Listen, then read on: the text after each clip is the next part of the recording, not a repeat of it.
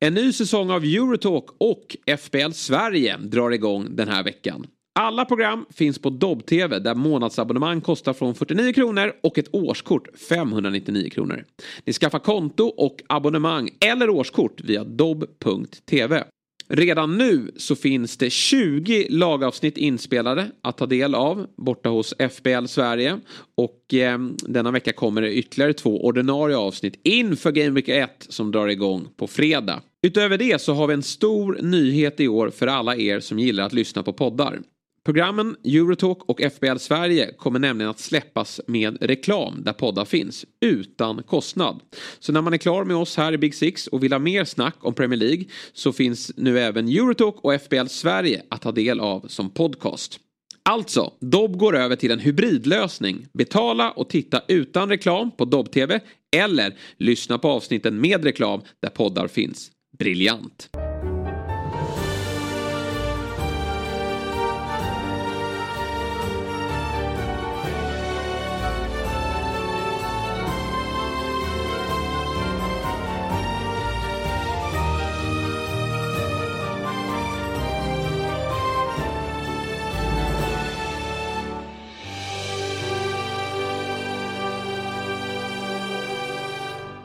Då hälsar vi hjärtligt välkomna till ett ordinarie avsnitt av Big Six. Jag hoppas att ni alla har tagit del av våra lagspecialer som jag och Björn Jonsson spelade in i förra veckan. Det var roligt och nyttigt att dra igenom storlagen.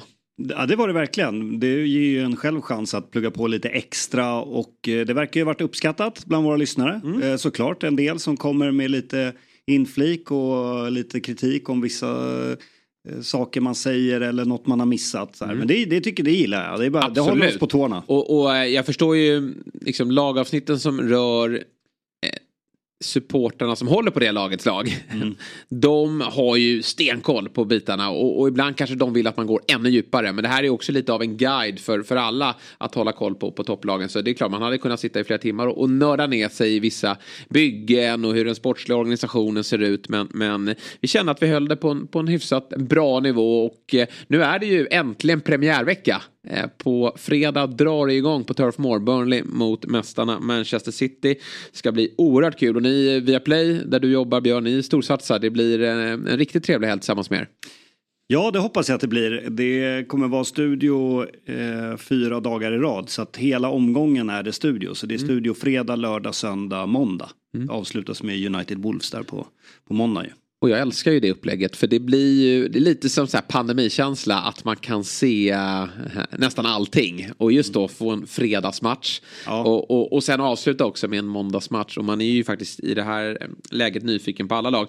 Vi konstaterade att lördag kväll där har vi en riktigt trevlig match i form av Newcastle mot Aston Villa också. De här två utmanarlagen faktiskt. Eh, om vi nu, om vi, eller utmanarlag. Newcastle eh, visade ju redan i fjol att de är ett Champions League-lag faktiskt. Precis. Men vi har ju inte nämnt dem de lagen i våra genomgångar. Men vi kommer väl göra som så att vi kommer att idag spela in två avsnitt, du och jag. Yes. Vi börjar med att vi ska, i det här första avsnittet som släpps idag, eh, måndag, så pratar vi Community Shield. Eh, går igenom matchen igår där Arsenal vann årets första titel. Ja. Eh, viktig för dem.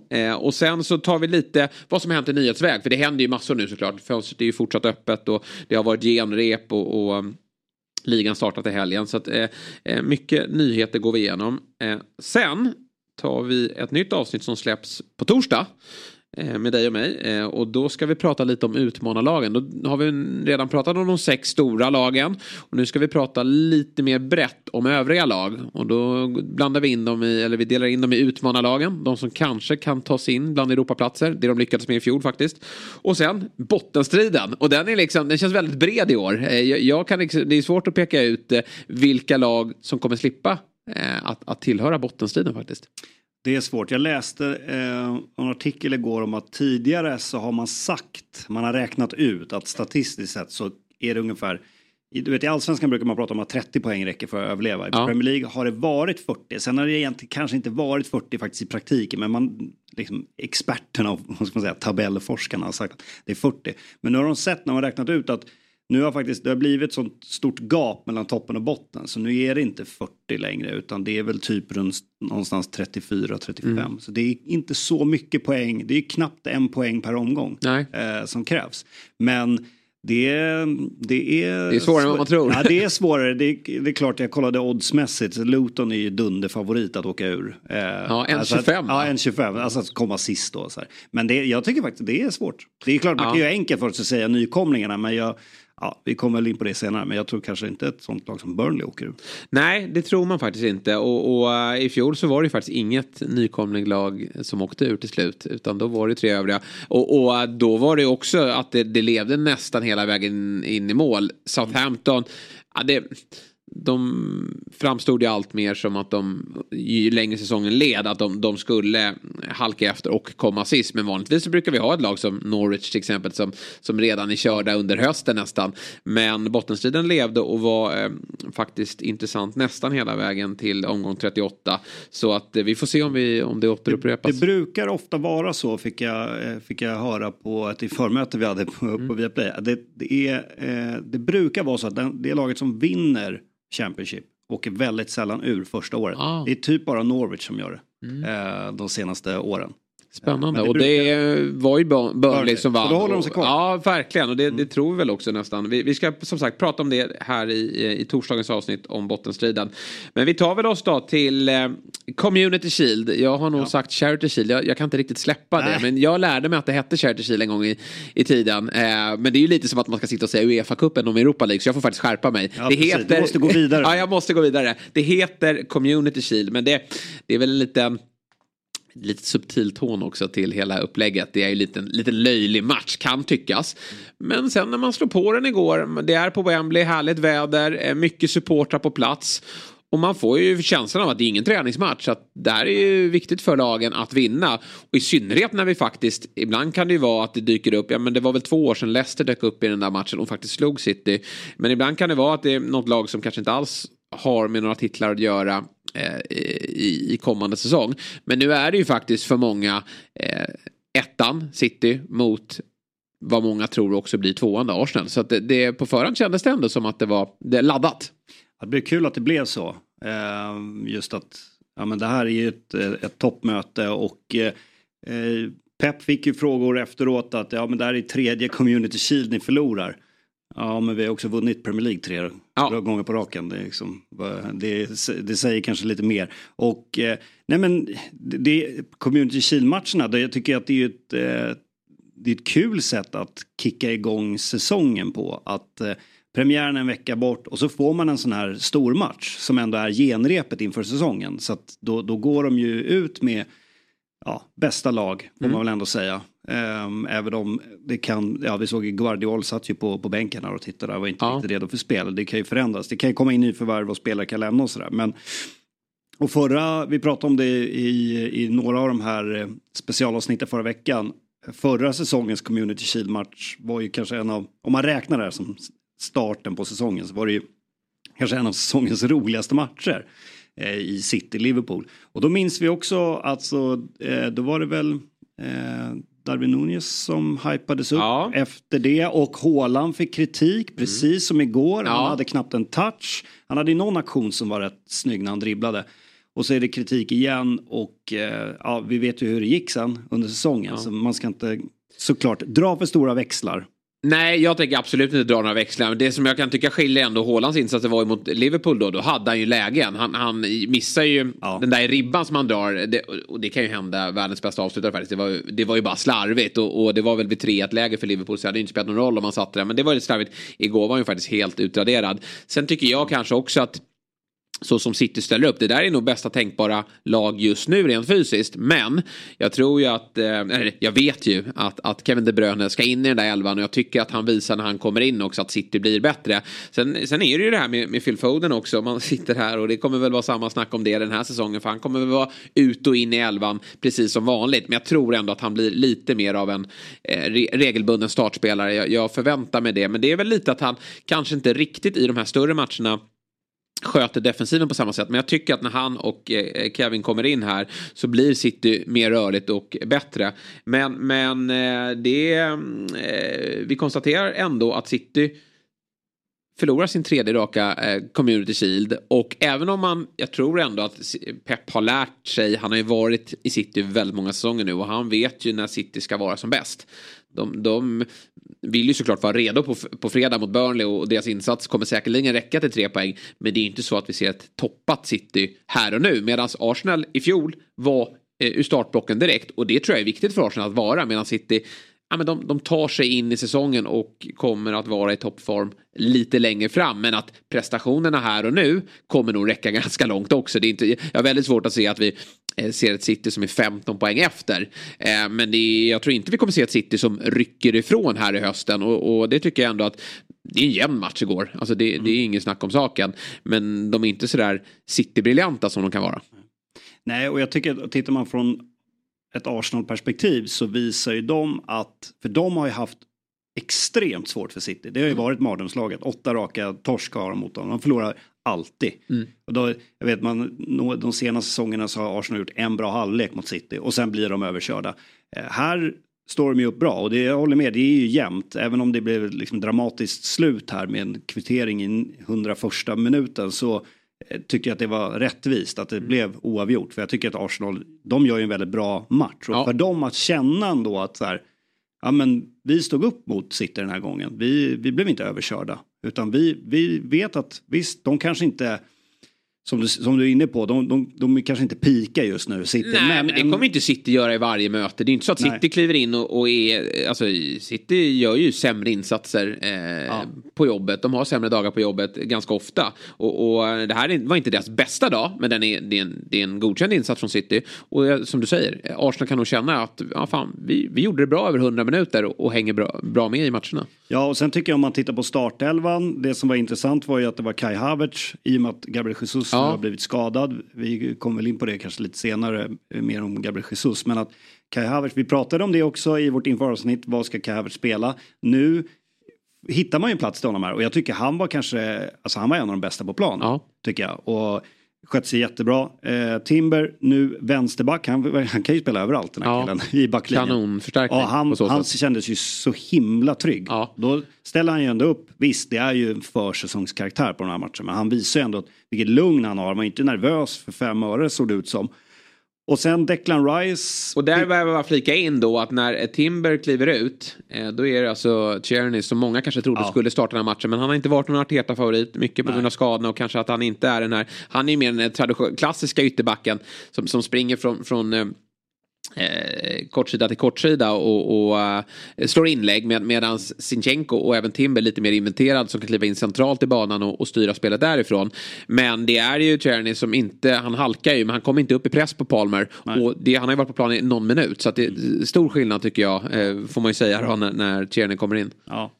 Och sen eh, Declan Rice då, miljardmannen som ju, han spelade ju typ som åtta, lite mm. mer, inte riktigt den här sittande rollen, det var ju mer Partey som hade den. Och ja, det, det är ju också, Declan Rice är ju kanske en sån här, man måste ju typ punktmarkera honom med ögat. Alltså ja. om man ska följa honom för att se hur bra han är. Verkligen. Det är ju liksom ingen poängspelare. Nej, det är ingen Men jag tycker väl att han gör ju en helt okej okay match. Det är inte, som sagt han har inte den där riktigt eh, djup, djupa rollen, alltså det var ju mer Partey som hade den eh, defensiva rollen. Ja. Eh, så vi får väl se där hur, hur, hur det kommer bli.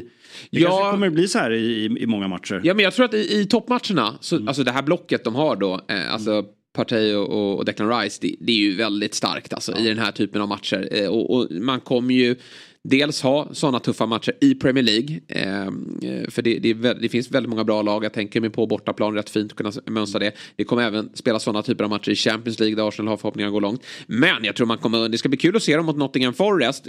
Det är möjligt att det centrala mittfältet heter sådär inledningsvis så att man vill få, få någon form av eh, stabilitet. Men jag tror också att vi kommer kunna se, och då tror jag det är parti som får, får offras, att Declan Rice tar den lite mer sittande rollen och att man får in Eh, ja, antingen då att man, man eh, har Kai Havertz i den här åtta-rollen som det har pratats så mycket eh, om. Att man kanske tar ner, ja men Trossard skulle kunna spela, ha, vet du, Ödegård skulle kunna spela och du har även Viera. En, en, jag tr tror att i, i matcher, Nottingham Forest hemma, den typen av hemmamatcher, då kommer nog Arteta unna sig lyxen att få en lite mer offensiv spelare än Declan Rice i nummer åtta-rollen. Ja, nej, men så kan det nog bli. Apropå Trossard som du nämner, alltså riktig supersub ja. för, för Arsenal. Ja. Nu har han ju gjort alltså fyra mål på, vad blir det, de fem eh, sista, de här fem träningsmatcherna då, inklusive eh, Community Shield-matchen. Så att det är ju ändå, jag menar, göra det och ändå inte vara eh, startspelare, då kan man ändå säga, han har väl gjort det han har kunnat. Ja, och Men det var väl lite, det var ju spekulationer. Nej, det är väl så, det är ju så här kanske att Alltså, vi såg det under våren. Jag satt ju inför varje helg och sa att nu blir det Trossard som spelar istället för Martinelli. Men, men eh, Martinelli stod där och, och, då hade Martinelli en liten dipp och sen hittade han tillbaka. Och vi vet hur förtjust han är i Martinellis eh, explosivitet och, och, och, och, löpstyrka. Han är bra i pressspel och eh, även väldigt bra på att eh, ta sig runt sin försvarare och en, en, en, jag menar, han, han kliver över tio kassar i Premier League i fjol. Det är väldigt starkt. Så jag, jag tror inte att det, det blir som så att vi, vi ser Martinelli bli, bli bänkad. Eh, men Trossard sätter ju press på alla eh, någonstans. Ja. Alltså, det går ju att använda honom som falsk nia. Det var många som trodde kanske att Havertz skulle få kliva åt sidan. Att de skulle använda Trossard längst fram. Jag tyckte matchen igår blir tydligt att Martinelli jobbar också, jobbade stenhårt i defensiv. Ja, ja, ja. Och Nej, det, men han är skitbra där. Det det är såklart en tränares dröm mm. att ha eh, offensiva spelare, kantspelare som gör det jobbet också. Ja. Ja, nej men eh, intressant hur de formerar det där laget. Det, förut var det ju, man visste ju Arsenal skulle ställa upp då, förutom där under den här perioden när, när eh, i februari. Men annars så kände man, eller det var väl kanske bara vi som målade upp eh, ett scenario att det skulle roteras. Men Arteta hade sin givna elva. Jag tror att det blir lite mer rullians och, och Sinchenko ska väl ta sin vänsterbacksplats.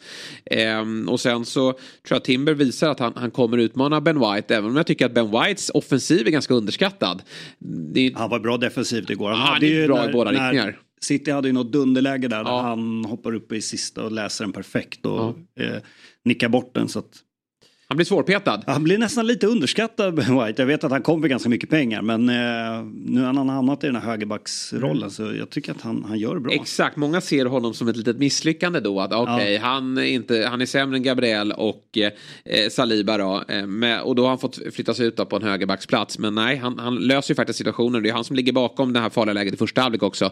Där eh, Kai Havertz eh, får iväg ett avslut på, på Ortega som står faktiskt i den här matchen. Så att eh, Whites offensiv offensiv tycker jag. Han gjorde några bra saker i fjol också. Eh, och, och, även om han inte alltid blir nazist så kan det vara hockeyassister och annat som gör att eh, han blir ett farligt hot. Så att eh, han blir inte svårpetad heller. Men eh, mittbacksparet, alltså Saliba har ju fått mycket beröm. Han är ju... Eh, det, var, det är vår nyckelspelare va? Som vi sa i Ja, nej men Arsenal. han eh, är ju faktiskt en av världens bästa mittbackar. Man får ju ta till den typen av ord, det måste man ju säga. Ja, nej men absolut. Mm. Eh, och jag menar, det var ju lite som vi pratade förra veckan att det är också Eh, det är liga tvåan. Mm. Och eh, han var en stor del i det. Och då är det inte konstigt att heller eh, prata om honom som en av världens eh, bästa eh, mittbackar. Det tycker jag absolut. Men med City då så, vi, du var inne på det lite. Det var Bernardo Silva som startade tillsammans med eh, Grealish och sen Alvarez. Lite förvånande, jag trodde ju på Foden. Ja, det trodde jag också. Eh, och att Bernardo skulle vara på, på mittfältet. Men annars, det blir en lite mer defensivare uppställning när det är Kovacic och mm eh, Rodri. Mm. Eh, och sen har du ju Alvarez då som någon form av second striker. Men jag, jag trodde um, att Foden skulle ta sig in i den här elvan. Ja, och speciellt Pep fick ju också frågor om, om Bernardo Silva in, inför. För det har ju varit rykten om att det har ju varit rykten i över ett års tid att han ska dra. Och då sa han ju eh, tydligt att jag vill inte ha spelare här som inte vill vara här. Nej. Eh, och, men samtidigt så måste det komma ett bud som vi tycker är bra. Så att, eh, ja, det och samtidigt verkar han ju då vara, eh, gilla Bernardo Silva, så det är en speciell situation där. Men eh, jag trodde också att Foden sk skulle få starten här. Måste jag bara säga, Kovacic var ju också riktigt, riktigt bra ja, i den här men, matchen. Han har ju kommit in, det är som att han har spelat i det här laget i två år. Ja, han är inte en rak ersättare till Gündogan. Eh, men oj vad han, han har ju andra egenskaper. Han kan ju verkligen kontrollera och äga ett mittfält. Det, det blir ju svårt att eh, kan de skicka in De Bruyne på det här mittfältet också. Mm. När Kovacic, Rodri och, och De Bruyne eh, bildar någon triangel med, med, bra rörelse på det där mittfältet. Då blir det ju svårt att, att vinna mittfältskampen mot, mot City. Ja, så är det. Vi, vi pratar Partey Rice, men liksom Rodri, Kovacic, ja. det är också ganska fint. Ja, det är, det är riktigt, riktigt bra lag. Nej, men jag, jag, tycker ändå att nu, det blev bättre fart. Sen är ju matchen öppnar upp sig lite i, i andra halvlek också.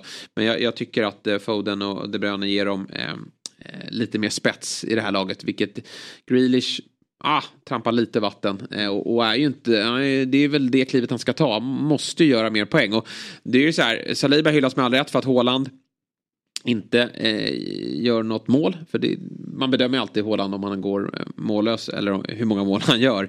Men han behöver ju en, en liksom, han behöver kreativitet bakom sig. Eh, för, för blir City mer svårlösta från mittfält och ytterzon då, då, då tappar man ju bort Håland till slut. Nu, nu kändes det som att City kunde fokusera väldigt mycket eh, på att, mm. eller Arsenal kunde fokusera väldigt mycket på att plocka bort Håland och, och det lyckades de verkligen med. Men, men eh, dra inte allt för stora växlar där ute, alla ni som vill mm. tro att Håland är slut nu. Nej. Och det, jag menar, det, Han smäller in tre på fredag istället. Under, det var ju så här under Alltså jag minns säsongen innan Håland, då var mm. snacket att ja, men det är en forward, det är det City saknar. Mm. Samtidigt så gjorde de jättemycket mål och, då, och sen kom Håland in och så var det eh, hattrick i tre raka hemmamatcher. Sen var det ju några matcher där han inte gjorde mål och då kom det snacket igen. Att eh, ja, men, eh, Håland är inte involverad i spelet och, och så vidare. Men vi vet ju alla vad han går för och han är ju tokfavorit till att vinna skytteligan såklart. Och, eh, ja. sådär. Men, men du, du var ju lite inne på det i City-avsnittet där, jag tänkte på målvaktssituationen. Ja. ja men, Ederson, är han given? Nu, nu startar Ortega här, det kan ju såklart, det behöver inte betyda någonting, men det är ändå lite intressant. Jag var lite ja, förvånad ja, att stod. Verkligen, för det är ju ändå ett form av genrep ändå. Sen har mm. väl, äh, liksom, jag tror Pep säljer in det också till Ortega att nej, men du ska ju få kupperna och då pratar vi inte Champions League men, men det blir väl ligacup och FA-cup. Men frågan är hur länge han nöjer sig med det då. Eh, och ja. eh, hur många misstag Ederson kan göra innan de gör en förändring där. För det känns som att Ortega flåsar honom i nacken. Jag tycker han gör en, en bra match igår. Och eh, ja, det är väl bra samtidigt att han håller Ederson på, på tårna då. Att du startar på fredag mot Burnley men du måste nog steppa upp lite grann. Sen är det ju en ganska otacksam roll att vara målvakt i City.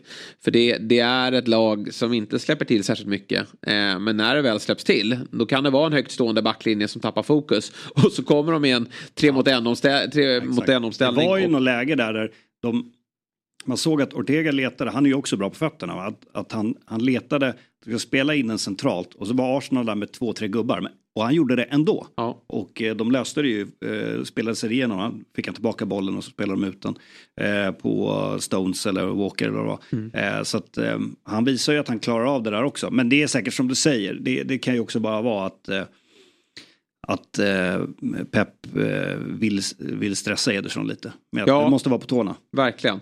Får vi se då vad City ska förstärka. Jag har väl lite på det i nyhetsväg då, men vi kan ju ta det när vi ändå är inne på City känner jag.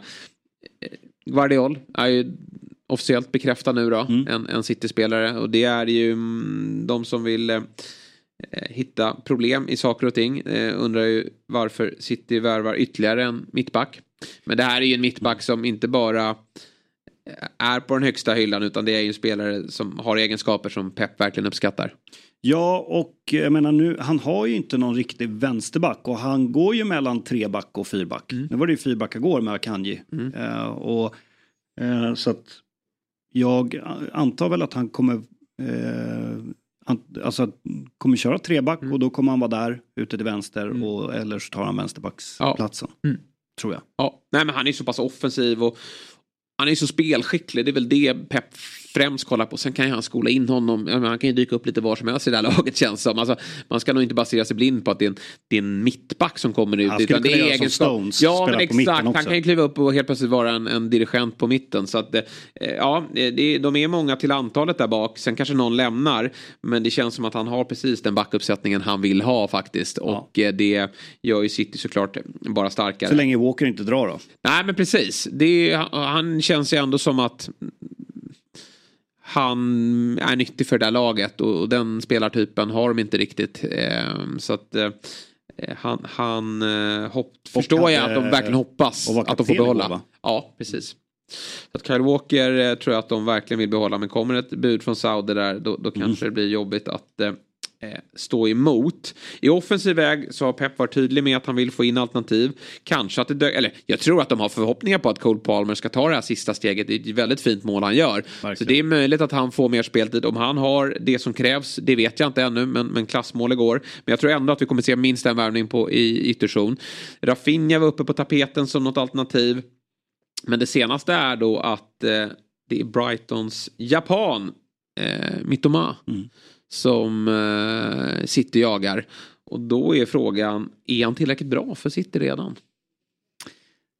Ja, det är ju en bra fråga. Mm. Brighton är ju som ett City light i sättet de spelar så att han skulle nog passa in väldigt bra. Det är inte förvånad om, om det stämmer här att de är där och, och, och rycker i honom. Eh, det, jag kan tänka mig att det är en, en pepp-favorit. Och eh, Ja, men jag, jag, tror nog ändå att han skulle kunna eh, klara av det. Mm. Eh, absolut. Sen är ju frågan om han kommer vara, det är ju i och för sig ingen i City nästan, eh, given startspelare. Men eh, jag tror nog att han skulle klara av det, absolut. Ja, det är ju många matcher som ska spelas. Då blir han ju, en, vi har ju sett att Mittema främst har velat vara ute till vänster där Jack Grealish finns redan. Och, och, då kommer det väl vara mer att Foden, eh, som visserligen jag gillar i den här rollen när han är central, eh, men eh, de eh, kan ju använda såklart Foden på kant, Bernardo kan spela där, Cole Palmer kan spela där också, så då har de lite fler alternativ.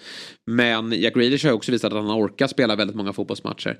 Och mm, det är klart att det går att använda någon av de här kantspelarna. Vi vet att eh, Alvarez har spelat ute till vänster i tidigare klubb också, så att eh, de har ett alternativ, men de behöver bli fler till antalet. För dyker det upp skador och, och börjar de bli slitna, då måste de kunna laborera lite där. Mm. Jag tror väl för mitt återigen, hör City av sig, Pep Guardiola vill ha dig, då, då sticker du direkt. Men jag tror det bästa hade varit för Mittoma att visa, spela en säsong till i Brighton, få lite Europarutin där, få visa att han inte bara var en one season wonder utan att han har eh, en, en, en till bra säsong i sig. Men jag fattar ju såklart att han, att han eh, sätter sig Eh, i taxin direkt om, om, mm. eh, om eh, Pep Guardiola hör av sig. Men, men där följer vi med spänning. Det, jag vet inte hur trovärdigt det är att det är jag tror inte Romano har klivit ut och sagt att det är Nej. nära ännu men, men eh, ingen rök utan eld. Ja, men vi konstaterar väl då från Community Shield att det där var, och det har vi väl sagt för alla lag som har vunnit nu på slutet, att det, det är ju utmanarlaget till City som, som mår bäst av att vinna den där matchen. Sen blir City irriterade för de vill ju vinna såklart ett genrep och, och lyfta den där tallriken. Men skönt för Arsenal mentalt att de nu känner att de kan rå på eh, Manchester City, för de, det har varit jobbigt med de här förlusterna som har staplats.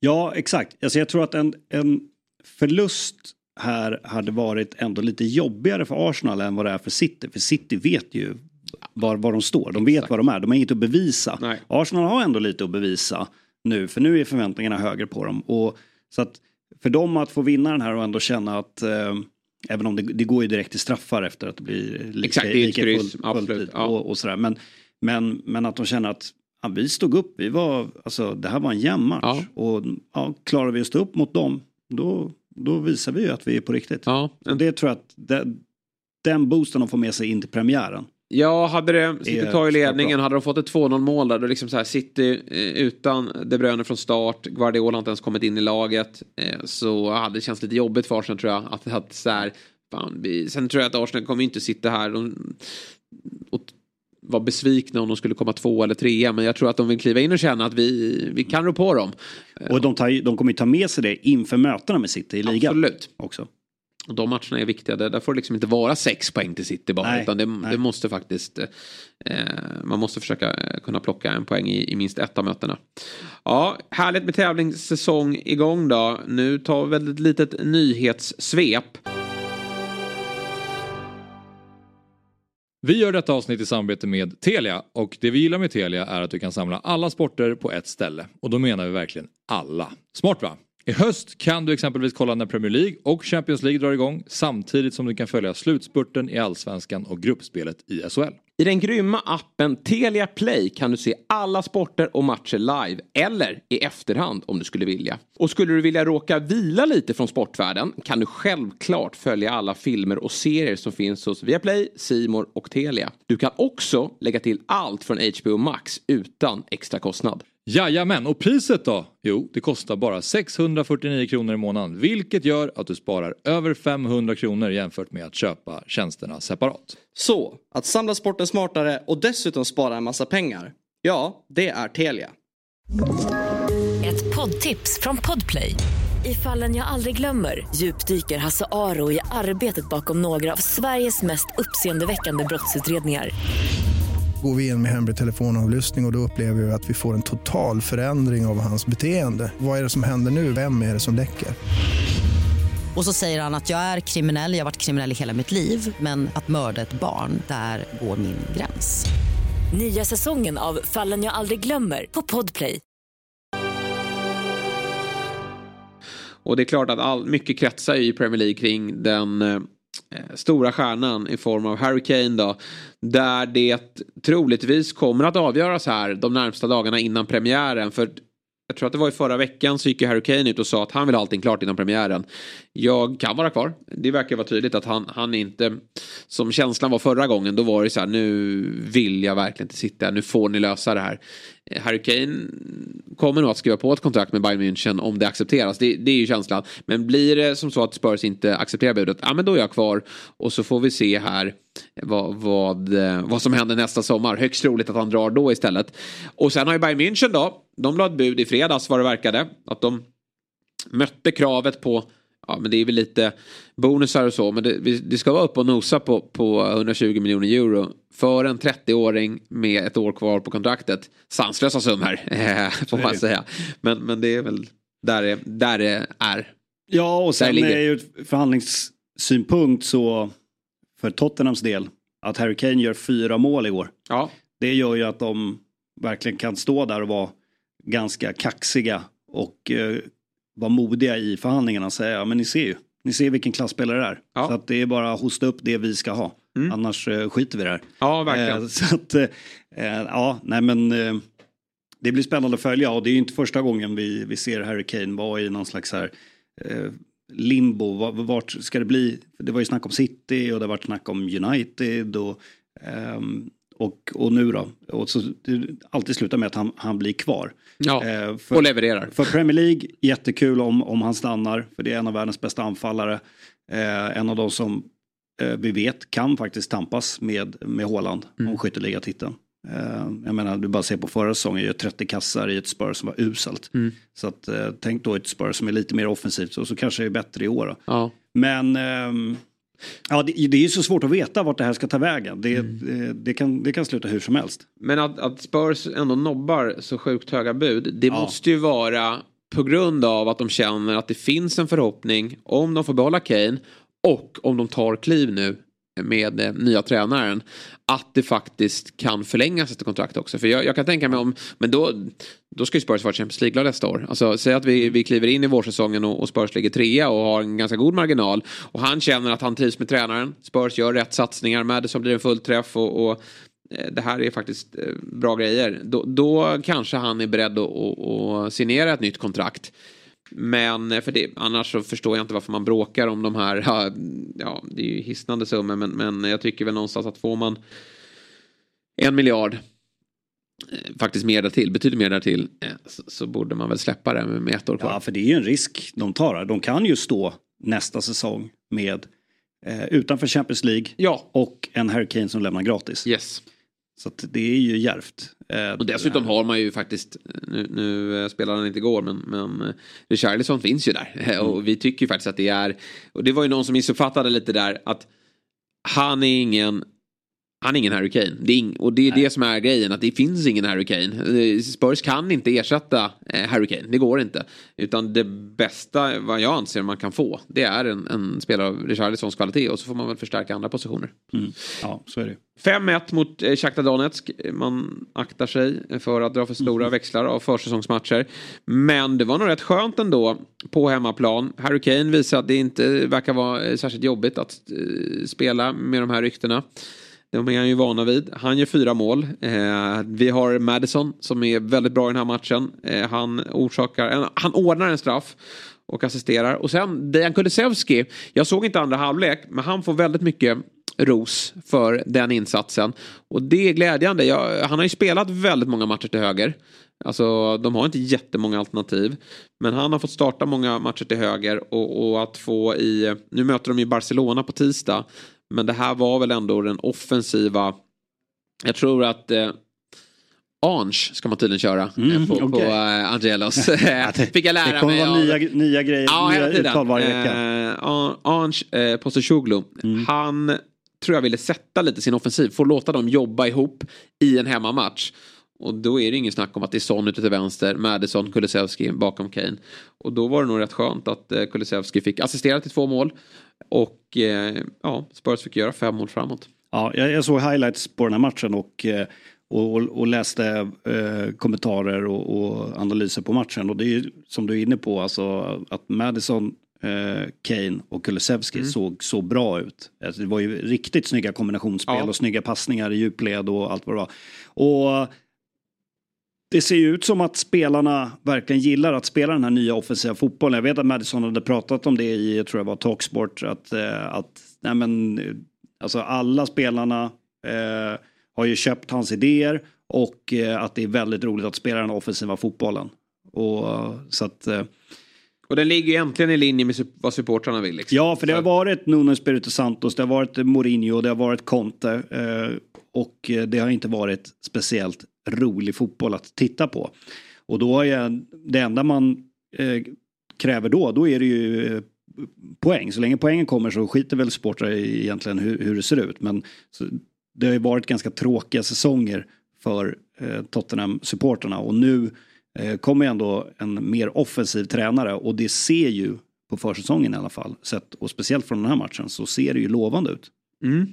Eh, absolut. Eh, och eh, återigen då, slipper Europa. Mm. Det är full fokus på Premier League eh, och kanske då att eh, alltså vilken boost de får eh, här framåt premiären. Om Harry Kane säger att nu, nu kör vi. Nu, nu är vi redo att, att jobba.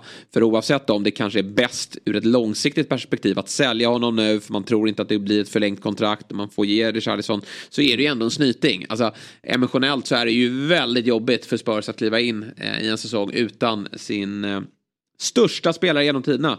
Säger jag utan att, eh, nej men det är väl alldeles självklart att det, att det är så. Mm. Och sen får man in då en mittback Ja, i Mickey van de Ven, Ja. om man uttalar det så. ja från, det från Wolfsburg, Yes. en ung mittback. Mm. Eh, så att, eh, som eh, ju, eh, ja det är ju en ganska dyr, eh, det är väl runt, den touchar närmare 600 miljoner svenska kronor. Ja. Så det är ju en, eh, det är en rejäl sudd de lägger på den här mittbacken. Så att han ska ju rakt in och, får man väl ändå tro, bära den här defensiven. Ja, det är han och Romero som ska göra det här och eh, vilken affär Wolfsburg gör här. De köpte honom tydligen för lite drygt 50 miljoner kronor. Mm. Eh, 2000, eh, 2021 då. Så eh, drygt två år senare då så får man, eh, ja, man nästan tiodubblar den eh, summan. Men jag har inte jättekoll på honom. Ser inte Wolfsburg vecka ut och vecka in. Men jag läste någon statistik om att han är blixtsnabb. Han har tydligen nått upp en väldigt hög topphastighet. Han är 1,93 lång så att det, är- det är ju det, fysiken finns där och bra steg för honom för att den där platsen bredvid Romero när han är inte avstängd. Den är faktiskt eh, up for grab. Så att eh, det här, det här eh, ska bli kul att se. Får vi se om de förstärker ytterligare då. Eh, om det har väl snackats om två mittbackar in. Och kanske att de ska få in en, en central mittfältare också.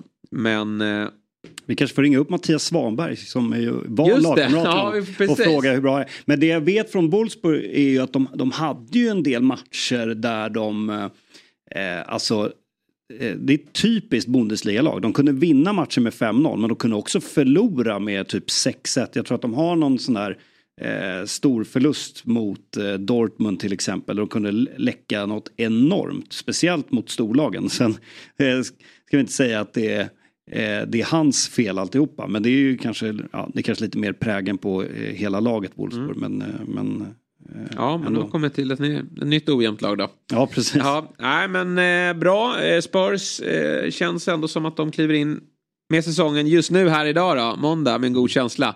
Sen, sen eh, kan det ju vara helt nya giv då med, med här lite senare. Eh, Liverpool kan ju absolut inte ha värvat färdigt. Eller det har de ju inte. Vi pratade i, i vår inför i vårt inför-avsnitt då. Att de verkligen måste få in en sexa. Och, och här och nu då, ikväll möter de Darmstadt i, i um, genrep. Det ska bli intressant att se hur de formerar det här mittfältet. För de måste, jag antar att de formerar ett lag som väl till stora delar ska se ut så när de kliver ut mot Chelsea på söndag eh, på Stamford Bridge då. Men en sexa har inte kommit in. Den de jagar främst då det är ju Lavia som gjorde det så bra i Southampton City-förstärkningen.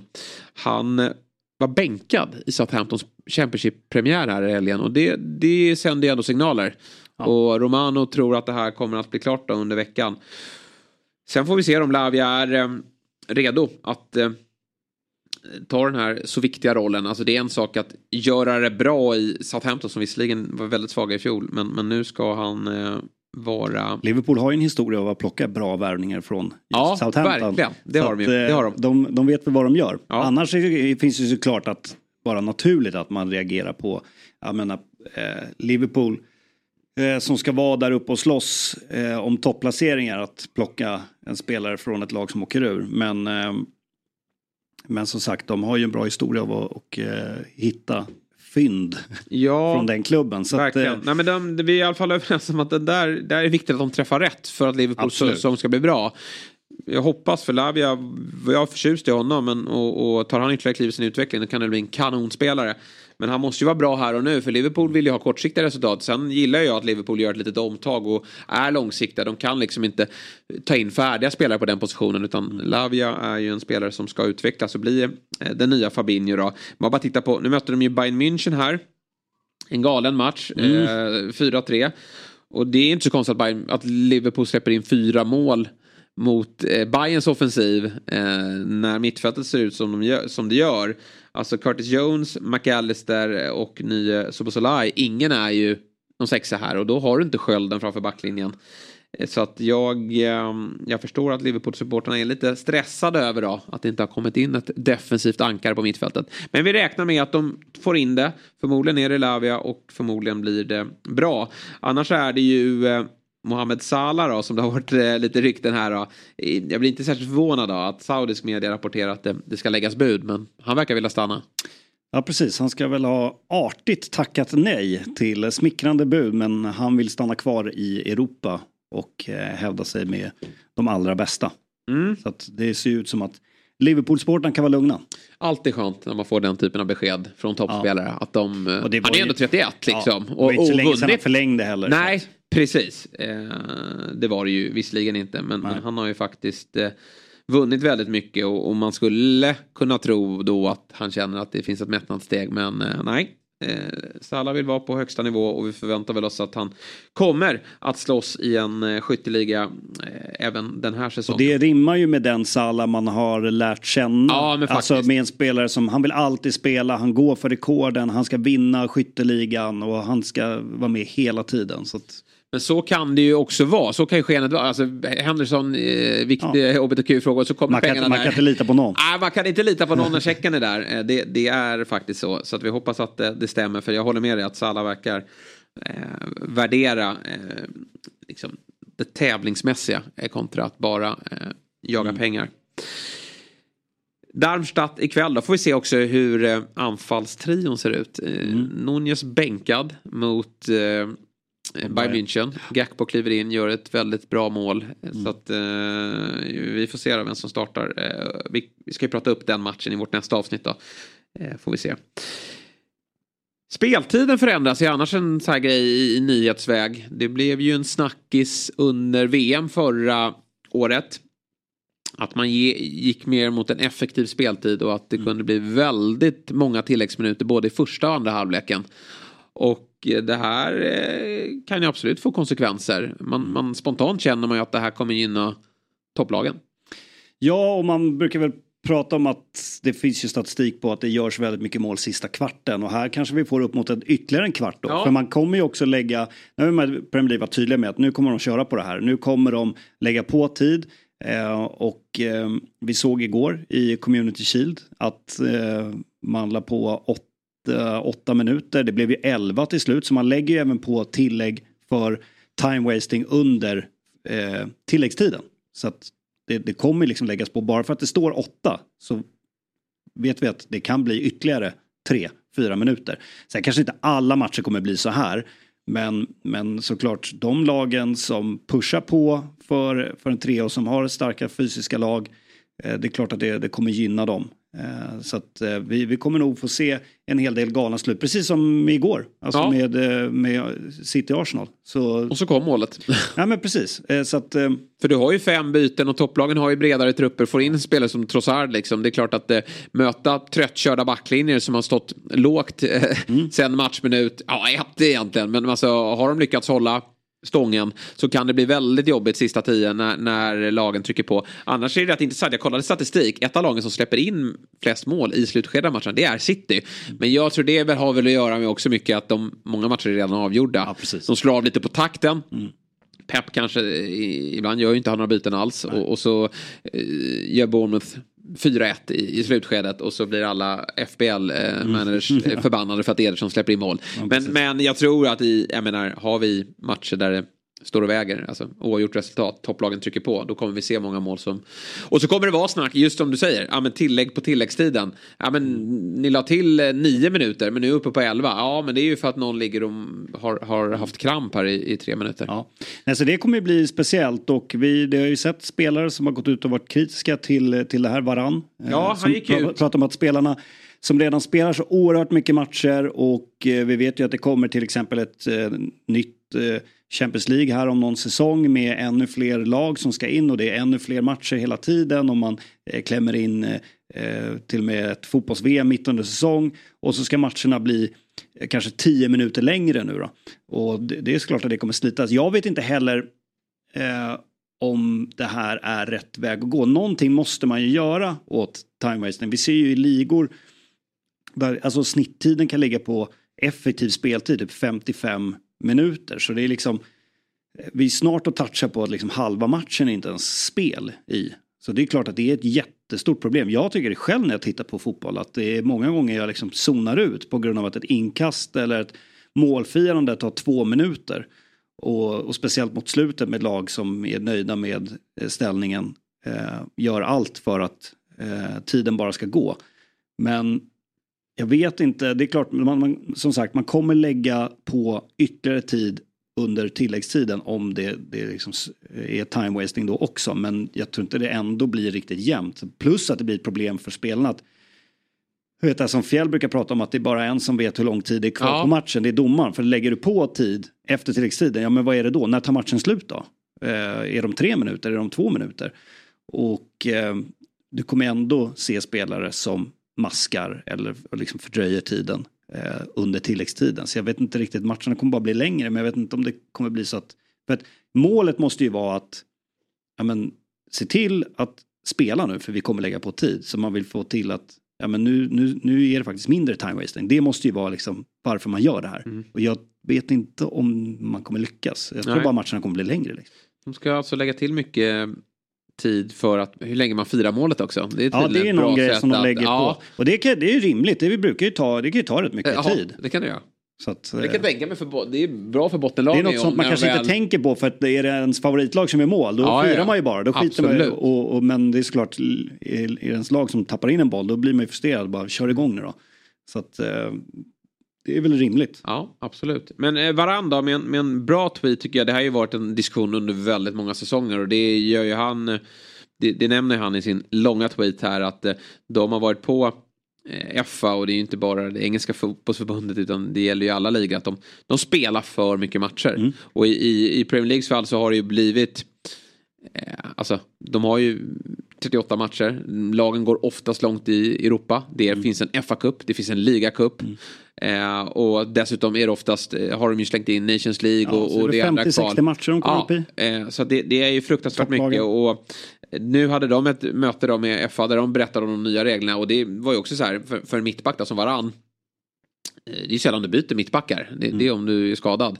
Nu får du ju liksom eh, 10 minuter till. Eh, 20 minuter till kan det vara. Om du får på dig i, eh, i både första och andra halvlek. Så de får längre matcher. Och han undrar ju då när, liksom, när ska de lyssna på oss? När, när, när ska ni eh, börja minska antalet matcher. Och nu, nu till nästa säsong, vi ska försöka grotta ner oss i det, men det kommer ju ett nytt Champions League, vilket gör att det är lite oklart också hur många Precis. lag som kvalar sig dit. Det känns som att man måste verkligen sätta sig med det där för att förstå. Det verkar inte vara helt tydligt.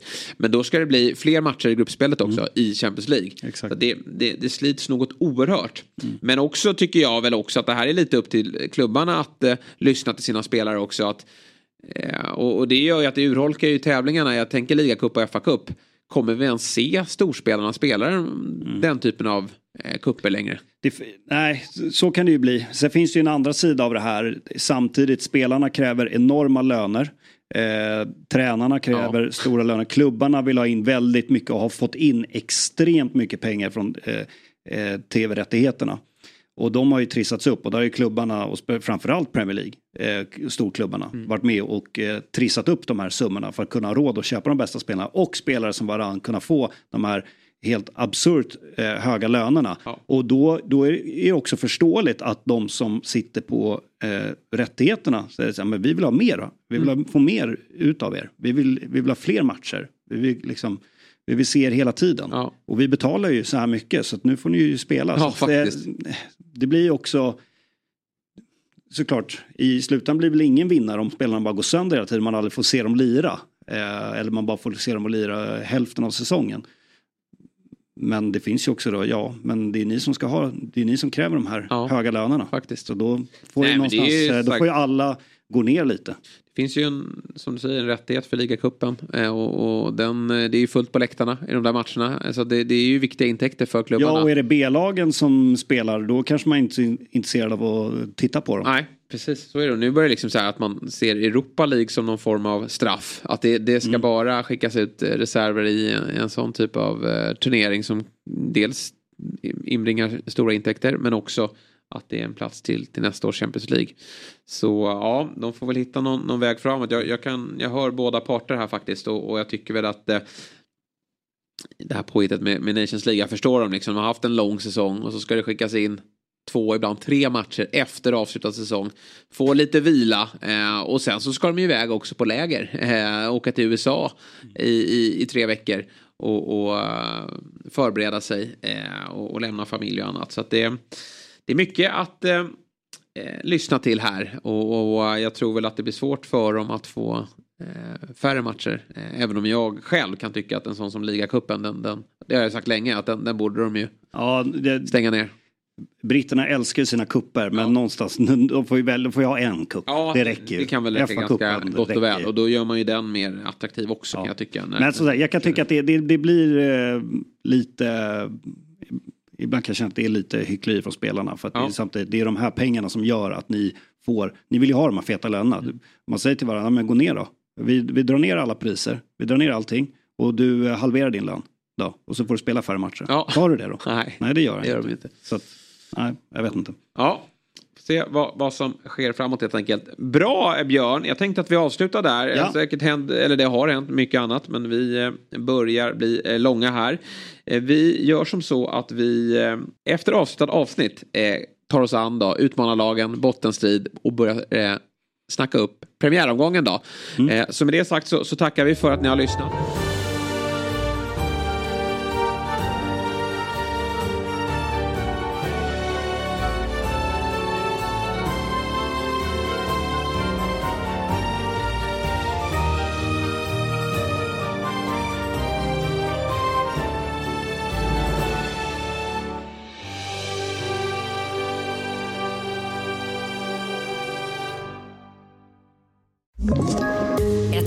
Poddtips från Podplay.